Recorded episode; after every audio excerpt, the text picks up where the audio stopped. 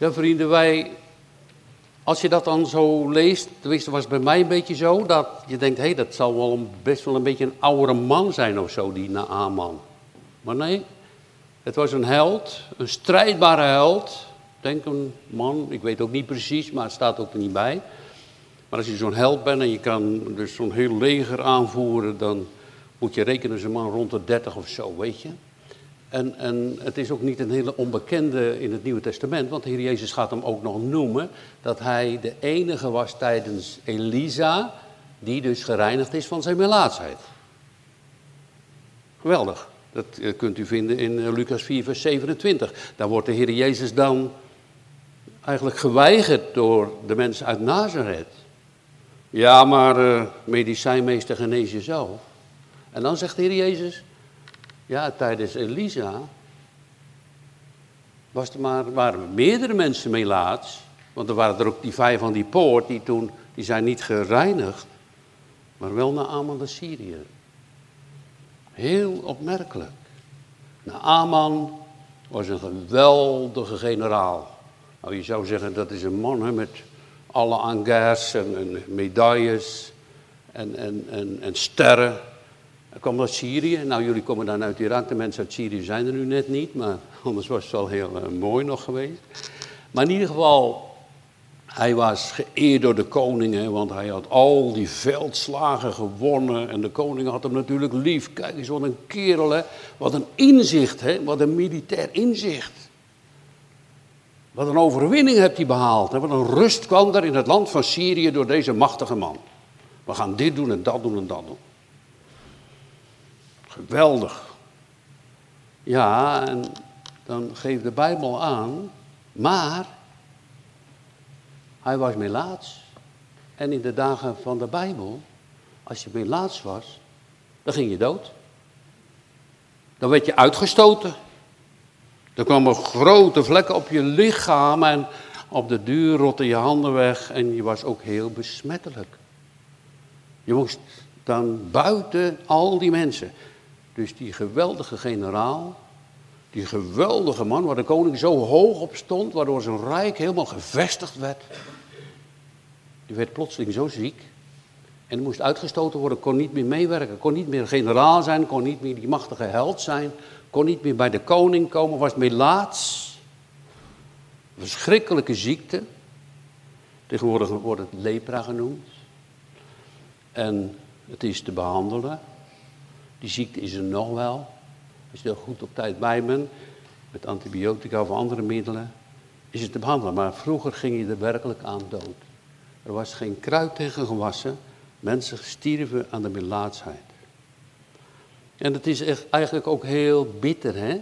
Dat als je dan ziek bent, ehm, nou dat, dat kan met ons ook gebeuren, en, en, dan, dan ben je thuis, dan is het wel een zegen als er iemand die voor je zorgt. Die, die, die voor jou de was doet, die jou helpt, die ondersteunt, die allerlei, dingen voor je doet. Dat is geweldig natuurlijk.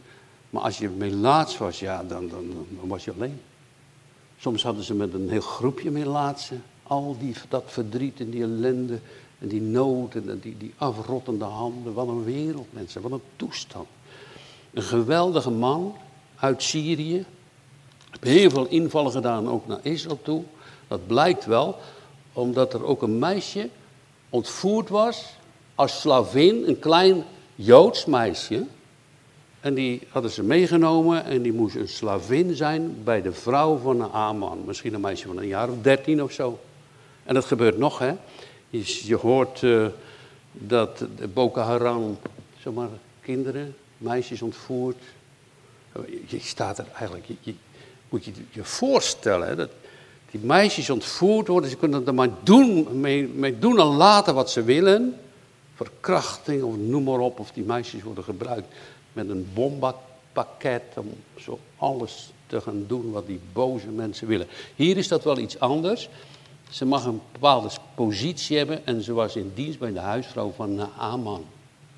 Ze was daar als slavin wel.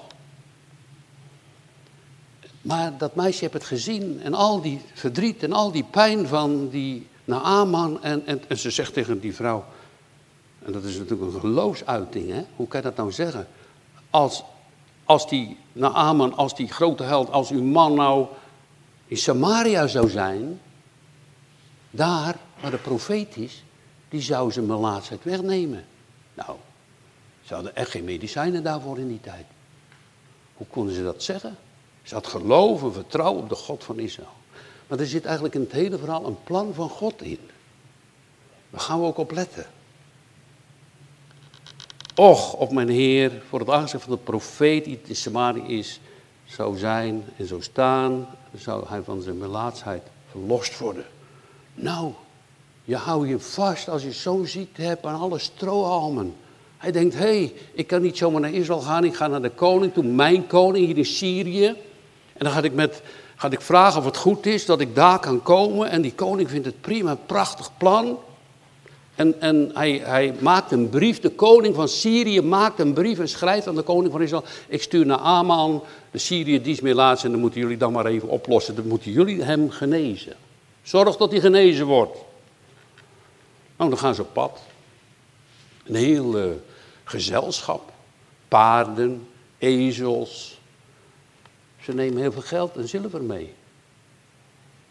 30 kilo zilver. Nou, een paar miljoen, hè? En een wisselkleder en goud. En al die mensen erbij. En zo reizen ze naar Israël. Ze gaan niet naar Elia, nee, ze gaan naar de koning. Ze gaan naar het paleis van de koning. En, en dan, dan weet u dat ondertussen de eenheid van Israël is door elkaar gegaan, uit elkaar gesplitst. De tien stammen van Samaria en de twee stammen van Juda en Benjamin. En dit is dan dat tien stammenrijk waar over het algemeen goddeloze koningen waren. Maar er was ook een profeet Elia tijdens Agab en nu een profeet Elisa. Het hele gezelschap met Naaman gaat naar de koning van Syrië, van, uh, van Israël, met een brief van de koning van Syrië en komen daaraan. De, de, de, de, de koning leest de brief. Wat is dit? Hij verscheurt zijn kleren. Dat is een, een teken van rouw en van verdriet en van, van, oh, ja, wij doen dat zo niet, maar dat kan bij ons ook zo zijn dat we verslagen zijn en niet weten hoe het verder moet. Hij verscheurt zijn kleren en zegt, ben ik dan God? Zou ik die man kunnen genezen? Zijn ze gek geworden daar in Syrië? Ik zeg maar even met mijn woorden. Dacht je dat ik dat kan? Weet je wat die Syrische koning wil? Hij wil oorlog. Wil natuurlijk iets wat ik niet kan, dreigt hij mij mee wil die oorlog. Maar Elisa, die ziet en hoort heel veel van God. Misschien ook op een andere manier. Die profeten wisten heel veel. Hoorden heel veel. Ze zagen ook heel veel bij de mensen. En de profeet zegt, waarom heb de koning van Israël zijn kleren gescheurd. Waarom, waar is dat voor? Hij stelt die vraag. Ja, van Aman de Syrië en die moet genezen worden. Nou, zegt uh, Elisa, stuur die man naar mij toe, dan zal hij weten dat er een God in Israël is. Zo. Nou, die vraag komt vanmorgen ook naar ons toe. Hebben u een God? Hebben wij een God? Hebben wij de Heer op wie we kunnen vertrouwen? Hij zal weten dat er een God van Israël is. Nou zegt de koning, je moet naar Elise gaan.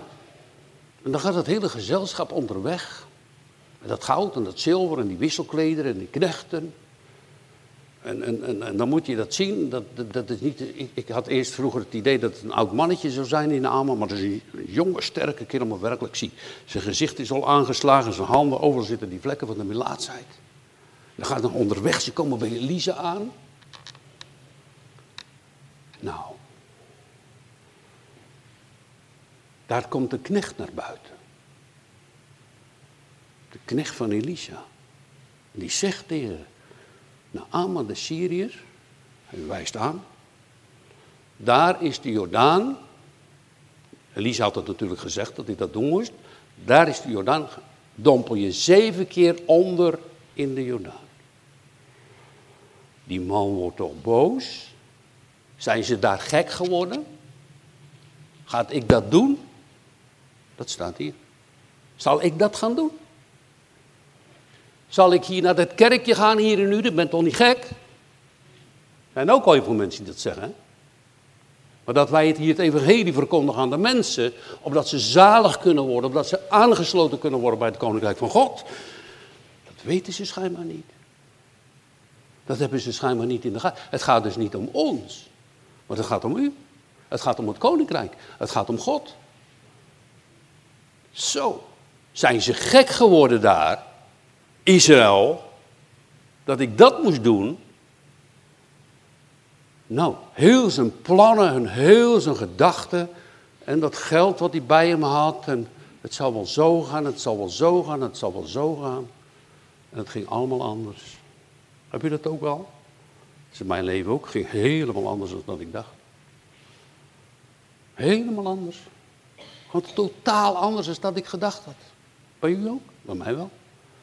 Ik had ook wel plannen, dat, dat, dat, scheepvaart, noem maar op, daarheen. Nee, God zegt nee, je moet daarheen.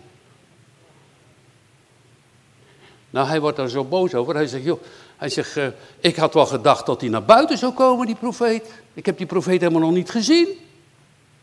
Dat hij dus uh, de handen op me gelegd had en zijn God aangeroepen had. Maar dan zegt hij zeven keer in de Jordaan. Wat een vernedering. En dan moet je moet je voorstellen dat die Naaman de Syrië werd natuurlijk geëerd. En met alle angers die erbij zijn. En wow, daar heb je Naaman.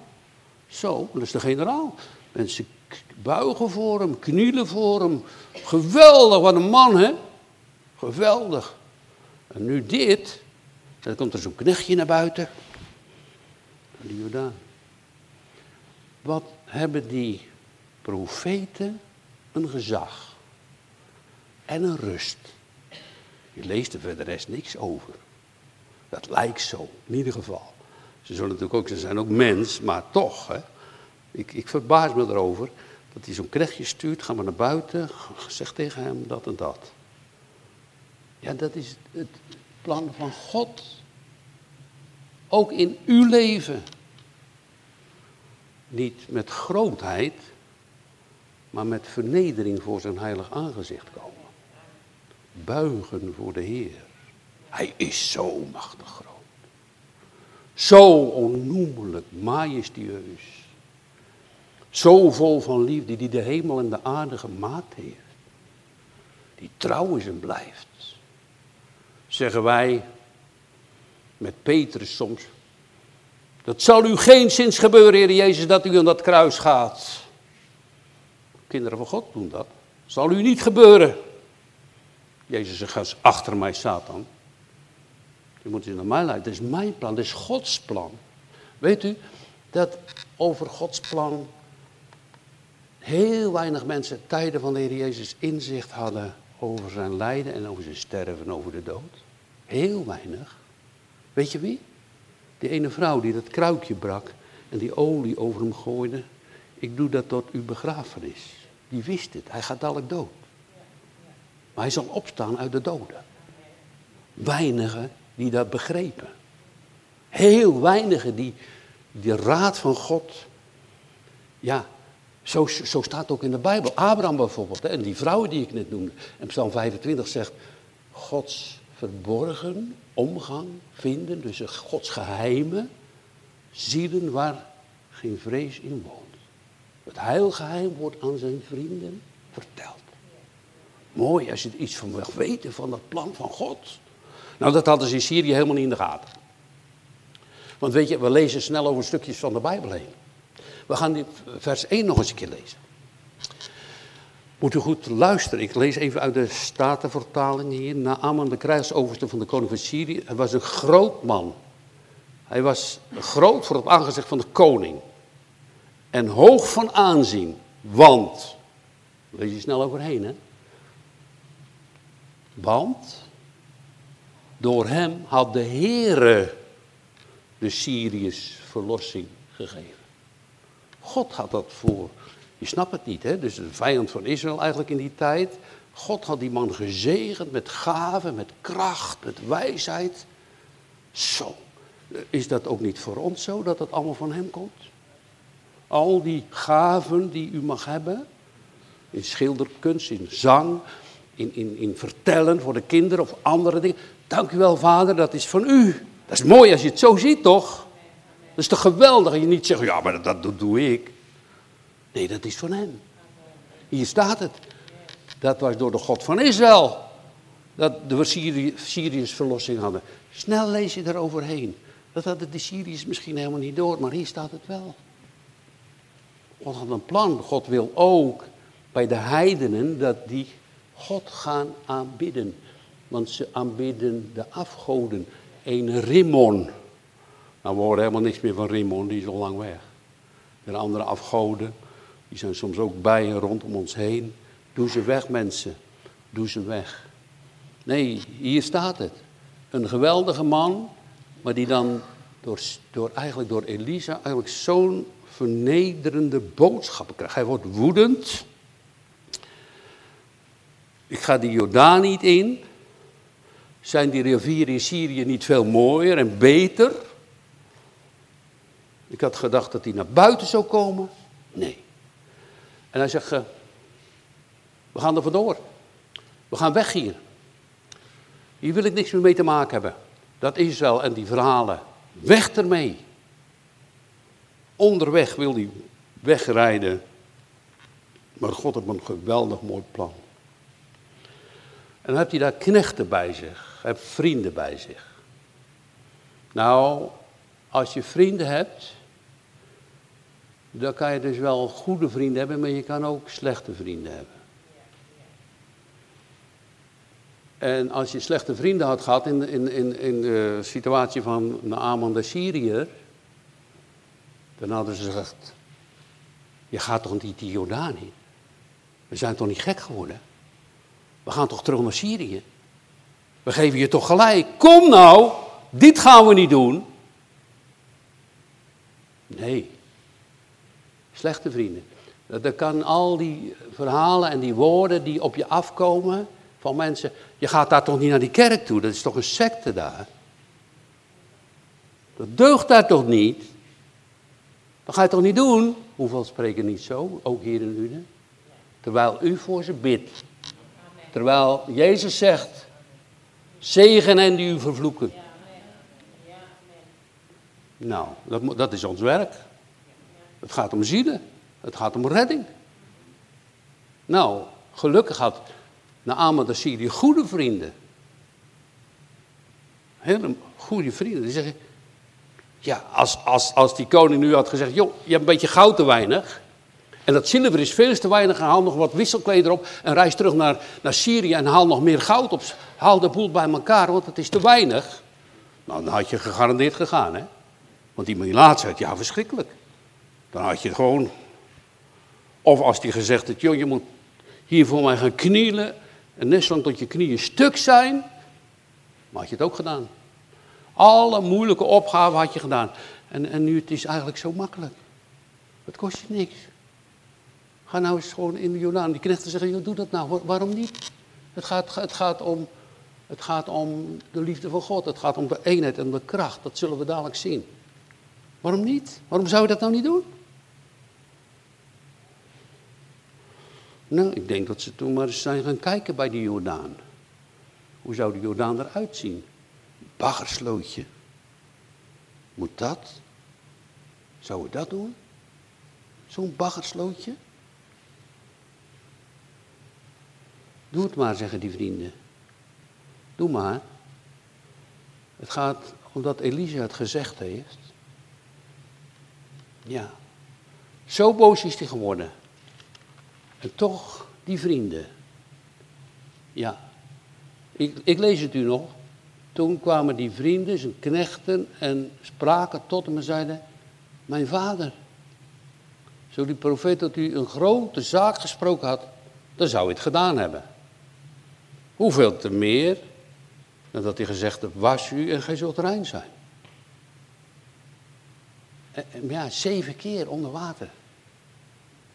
Weet je wat er moet gebeuren dan? Ja, dan moet natuurlijk die hele generaalsjas moest uit.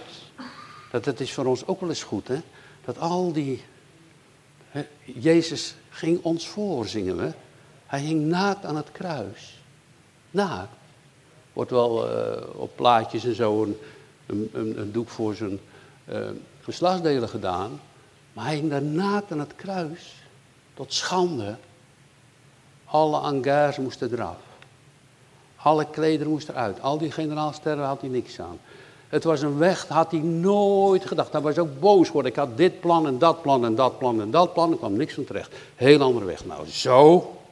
Dus was hij echt ook boos over. Maar nu zeggen ze christenen, waarom niet? Het kost je niks. Het is zo makkelijk. Het is van God. Hij zou het niet erg vinden, toch? Het is niet een zonde of iets slechts. Maar je moet jezelf vernederen. Nou, en dan gaat hij. Alles uitgedaan. Um, hij gaat de Jordaan in. Moet je je voorstellen, hè? Echt een beetje bruinig water. Ik ben daar ook geweest. Ik, wij waren een keer daar bij waar het begin van de Jordaan. Nou, ik heb toen, daar is even het water geweest. En uh, volgens mij heb ik toen daar een voedselvergiftiging opgelopen. Zo vies is het water daar. Echt waar. Mensen zeggen dat Jordaanwater, dat is heilig. Nou, het is echt een baggerslootje, want dan moet je maar kijken wat er gebeurt. Heel die Jordaan en al die riool-dingen, dat gaat door de Jordaan en dat komt in de Dode Zee. Maar dat is daar, heb je die zwarte bagger heb je daar. Maar dat is natuurlijk puur de afval wat allemaal uit Israël komt. Het dus niet besmetting geeft, dat komt door het geweldige zout dat erin zit. En daardoor smeren mensen de lichaam in met die zwarte blubber. En dan denken ze dat er huid schoon wordt. Dat gebeurt ook. Hè? Maar het is eigenlijk de, de, ja. Het is eigenlijk ook een slootje. Het is, en, Jezus heeft gezegd, al die vernedering en al wat jullie over me heen gooien, buiten de legere plaats, buiten Israël aan het kruis. Smaadheid gedragen. Om de wil van God. Om de redding van de mensen. Om de liefde en de kracht van God uit te dragen als Jezus. Zo klomt hij af, doopte zich in de Jordaan. Zeven keer. Moet je je voorstellen, gaat hij onder water. Dan komt de eerste keer boven water. Had nog echt een lende, doe ik nog om. En nee, ja, ik ben nog steeds meer laat. Twee keer onder water, drie keer onder water, vier keer, vijf keer. Nou, er zijn heel veel mensen die hebben gezegd, nou, na de vierde keer laat me zitten. Ik stop ermee. Ze gaan vier keer naar de kerk en dan zeggen ze, nou, laat me zitten, want ik hoor toch niks. Dat was met, uh, hoe heet die? Thomas toch ook zo? Die was er net niet toen God sprak voor zijn hart. Laat maar zitten die vierde keer, die vijfde keer. Maar om nou getrouw te zijn en de woorden van God te nemen en te ontvangen, gaat hij zeven keer onder water. Dat was een man van 30 jaar en zijn lichaam was helemaal melaats. En het wonder van God is gebeurd. Hij komt boven water en is helemaal genezen. Hij is als een kind, zo prachtig mooi zijn huid geworden. Helemaal mooi. Geweldig mooi. De melaatsheid in de Bijbel is een teken van de zonde. Dat is een teken van de zonde. Wij moeten ook allemaal gereinigd worden door het bloed van Jezus Christus. Dat water hebben we natuurlijk niet gereinigd, maar door het geloof en de kracht van God en door de gehoorzaamheid. Als die man later had gedacht, toen hij daar onderweg ging, stel je voor dat ik dat nou niet gedaan had. Nou, dan had hij één geen uh, generaal meer geweest met die vijf of zes sterren. De koning, hij was uitgestoten bij zijn gezin en bij zijn vrouw. En hij had de godders van Israël nooit gekend, want daar gaat het om. Hij, hij, dat, daar gaat het dadelijk om. Hij was als een kind, zo mooi was zijn huid geworden, door het geloof en de kracht van God. Dat, dat deed de Jordaan op zich niet. Zoals het ook met de doop niet dat die u zalig maakt, maar de Heer Jezus Christus. Die reinigt ons van alle zonde. Het zijn tekenen en zegelen in het verbond met God, waar Jezus ook de opdracht geeft. Dan zien we hier dat die man boven water komt. En hij kwam boven water naar de zevende keer. En zijn vlees, zijn huid, was precies hetzelfde als een kleine jongen en een veterijn. Nou, dan heb hij zich aangekleed. Zijn generaalpak mocht hij weer aan. Natuurlijk, hij is ook generaal. Hij is ook een geweldige, dapper man. En dan keert hij terug naar de man gods. Met zijn hele groep mensen rond heen, paardenwagens, alles. Die man is gezond geworden, hij is blij geworden. Dank u wel.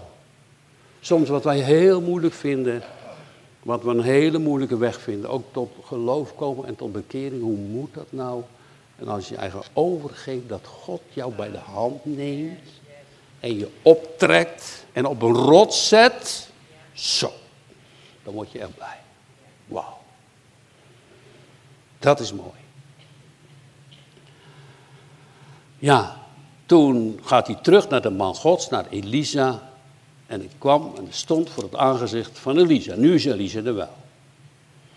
En hij zegt, nu weet ik dat er een God is op de ganse aardbodem. Geen God dan in Israël. Dus al die afgoden is niks. Dus één God, de God van Israël. Wat zegt u in uw hart? Wij zeggen het iets anders. We mogen ook zeggen de God van Israël, prima.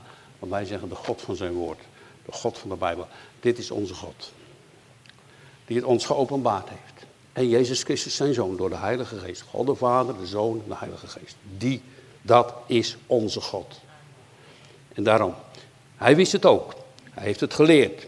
Hij kende nu de God van het hemel. Hij heeft dus beleden, gezegd, genoemd.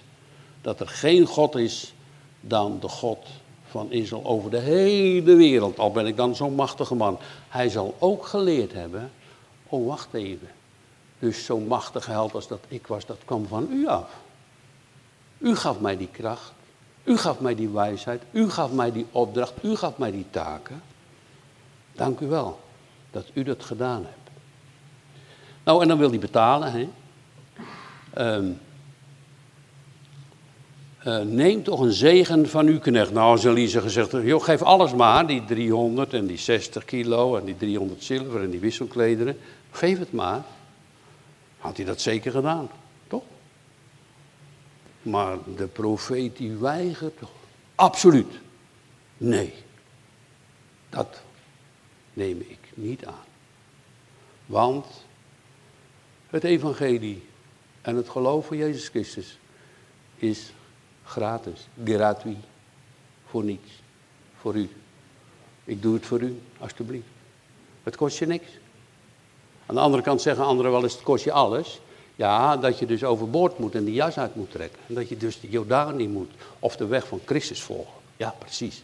Ja, dat kost je dus wel je gedachten en je pijn. Heb je dat niet gehad? Ik wel. Soms denk je, wacht even. Ik zat vroeger in een kerk. Ik ga de naam niet noemen van die prediker. En toen zei ik bij mezelf, ik was toen ongetrouwd, pas getrouwd geloof ik, ja. Ik zeg, nou, als het zo moet als hij, doei. Dat ga ik niet doen. Maar God heeft me wel overwonnen en ik heb gedaan wat hij zei. En het is een grote zegen aan je hart. Het is altijd de beste weg. Het is een grote zegen voor je hart. Niet alleen voor jezelf, maar ook voor de ander. Als je gaat luisteren naar God, wordt ook een zegen voor de ander goede vrienden had hij gelukkig. Nou, en, en dan zegt, uh, joh, neem toch wat, neem toch wat mee. En Amon zei tot hem, zo niet, laat dan uw knecht gegeven worden een beetje grond. Nog een beetje grond voor Israël. Dus die, wij hebben twee ezels en er zitten twee van die zakken aan. En, en dan hebben ze aan weerskant zo'n zak, wat zou erin gaan? Zo'n 30, 40 kilo. Dus keer twee, nou misschien een, een 100 kilo of, of nou, wat die ezels kunnen dragen aan, aan grond. Nou, of het zware klei was, denk, denk het niet daar in Israël. Het is geen klei uit Zeeland, maar dat is gewoon een beetje lichte aarde. Dus dat is misschien een, een vierkante meter grond. Waarom?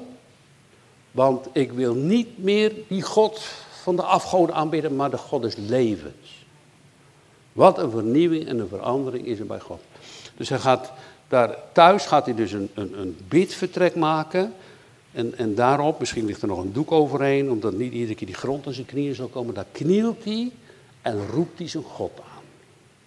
Hebben u ook thuis een bidvertrek? Of is het alleen hier maar? Was het alleen maar bij de Jordaan? Of is die ook, ga je ook met het woord van God mee naar huis? En ga je daar bidden? Heb je thuis een bidvertrek? Mooi, als je dat hebt, toch? Je daar mag bidden, de God van Israël, en dan zijn woord mag openen. hoef je nou vandaag en de dag die grond het Israël echt niet meer mee te nemen. Want de Heer Jezus heeft zelf gezegd uh, tegen die, die Samaritaanse vrouw. Het komt de tijd dat je nog hier, nog in Jeruzalem zal bidden, maar in geest en waarheid. Door de geest, door Gods genade en pleitend op zijn woorden, zijn heerlijke beloften. Dat hij gezegd heeft. Nee, uh, zo, dus Naaman zei, zo laat, zo niet, laat toch uw knecht gegeven worden aan last aarde van de juk muildieren, want uw knecht zal niet meer brandoffer of slachtoffer aan andere goden doen, maar de Heer. Het is natuurlijk een heel verhaal waar heel veel dingen genoemd worden. Het was dus een heiden uh, generaal, maar dat God wilde dat veranderen. God wilde hem vernieuwen. Het was ook de God van Israël. Maar er waren er meer, Rutte de Moabitische, Rachab de Hoer en anderen, die bij het volk van Israël behoorden. Die de Heere God kenden en hem dienden. Dan gaat hij daar thuis aanbidden. Thuis. Maar ja, je gaat naar de kerk hier. En dan kom je thuis. Of bij je vrienden of bij je familie. Ja. Ben jij nou een doen, joh? Ja, ik roep God aan. God is hemels. Nou, dan vinden ze wel echt vreemd, hoor. Ben je nou aan het doen? Ben je gek geworden of zo? Zeggen ze echt, hoor. Ben je gek geworden? Wat is dit? Ze hebben niet gezien, of ze letten niet op, dat, uh, dat hij gereinigd was. Ze letten niet op dat die man of die vrouw van de alcohol van allerlei drugs en dat en dat af is. Door Gods genade en door Gods trouw. Door zijn roeping, door zijn kracht om te laten zien. Ik geef jullie het koninkrijk. Wat dacht je? Niet alleen dat ik je geneest hier, ik geef je het koninkrijk. Mensen, die liefde van God is zoveel malen groter en heerlijker als wij kunnen denken.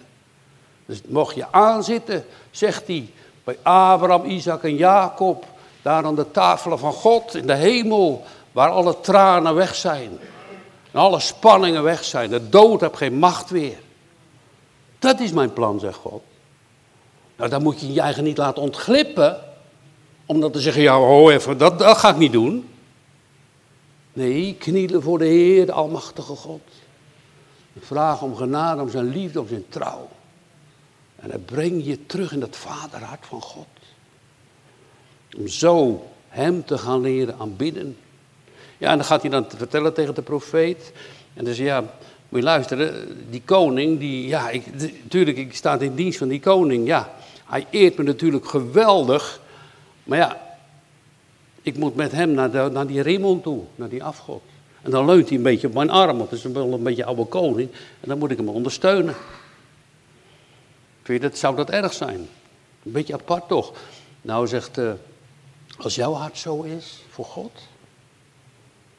je aanbidt die Rimo niet meer, je, je, ja, je wordt daartoe gedwongen of zo, dan uh, ga in vrede.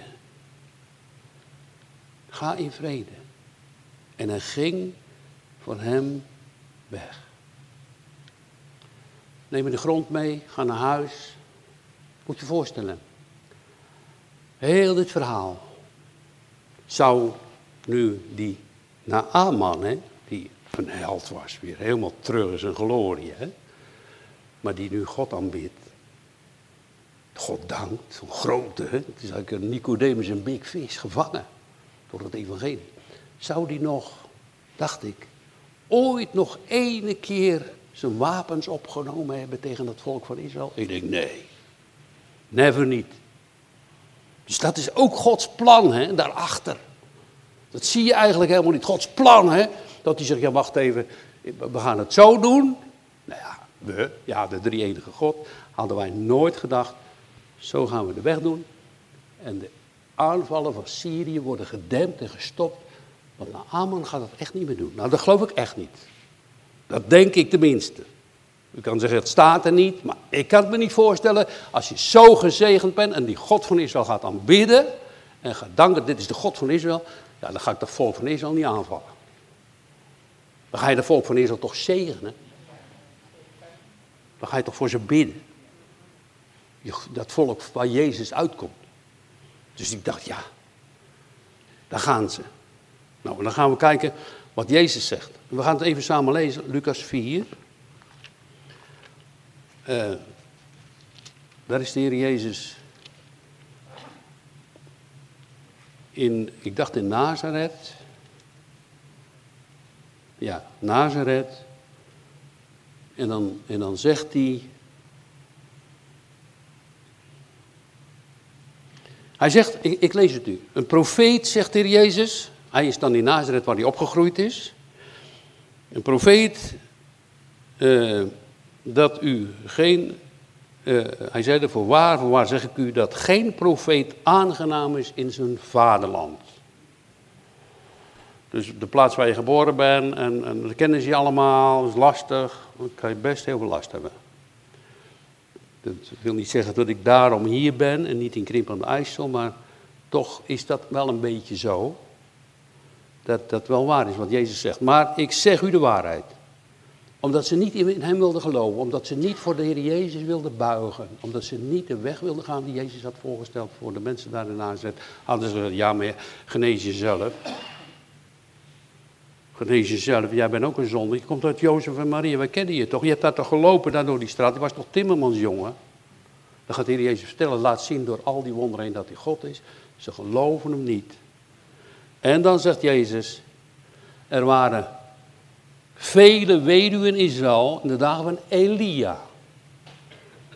Toen de hemel drie jaren en zes maanden gesloten was. Zodat er een grote hongersnood was over de hele aarde.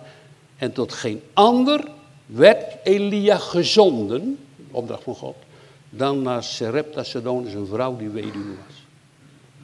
Dus alleen tot die, en niet aan die andere Joodse mensen. Dat kwam natuurlijk door Agap, die goddeloosheid, al die zonden. God die kon het niet meer aanzien waren Baalpriesters. Ze offerden en rookten de afgoden in Israël. Door Izebel en Agab. En dan zegt hij, en er waren vele melaatsen in Israël. De tijden van de profeet Elisa. En geen van hen werd gereinigd dan Naaman de Syriër. En dan werden ze allen in de synagoge met toren vervuld. Dan willen ze hem eruit werpen. Weg met Jezus. Weg met zijn woorden. Weg met zijn plannen. Weg met zijn daden. Wij hoeven hem niet. We hebben een eigen weg gedacht. Nou, dat had ik ook. Heel veel mensen hebben dat. Ik had het zo gedacht. En als dat doorbroken wordt, ja, probleem. Ja, heb ik ook gehad. Gelukkig als je goede vrienden hebt. Gelukkig als God je overwint. Gelukkig als je gaat doen wat hij zegt. Dat is het verschil geweest hij ging luisteren. Eerst niet, hij werd eerst boos, maar toen is hij gaan luisteren. Heeft hij gedaan wat God wilde. Hij ging naar de Jordaan. Tot zeven keer toe. En komt eruit als een kind. En lof zij de God van Israël. Dan zien we bij zo'n Naaman. Zijn grootheid. Zijn ziekte.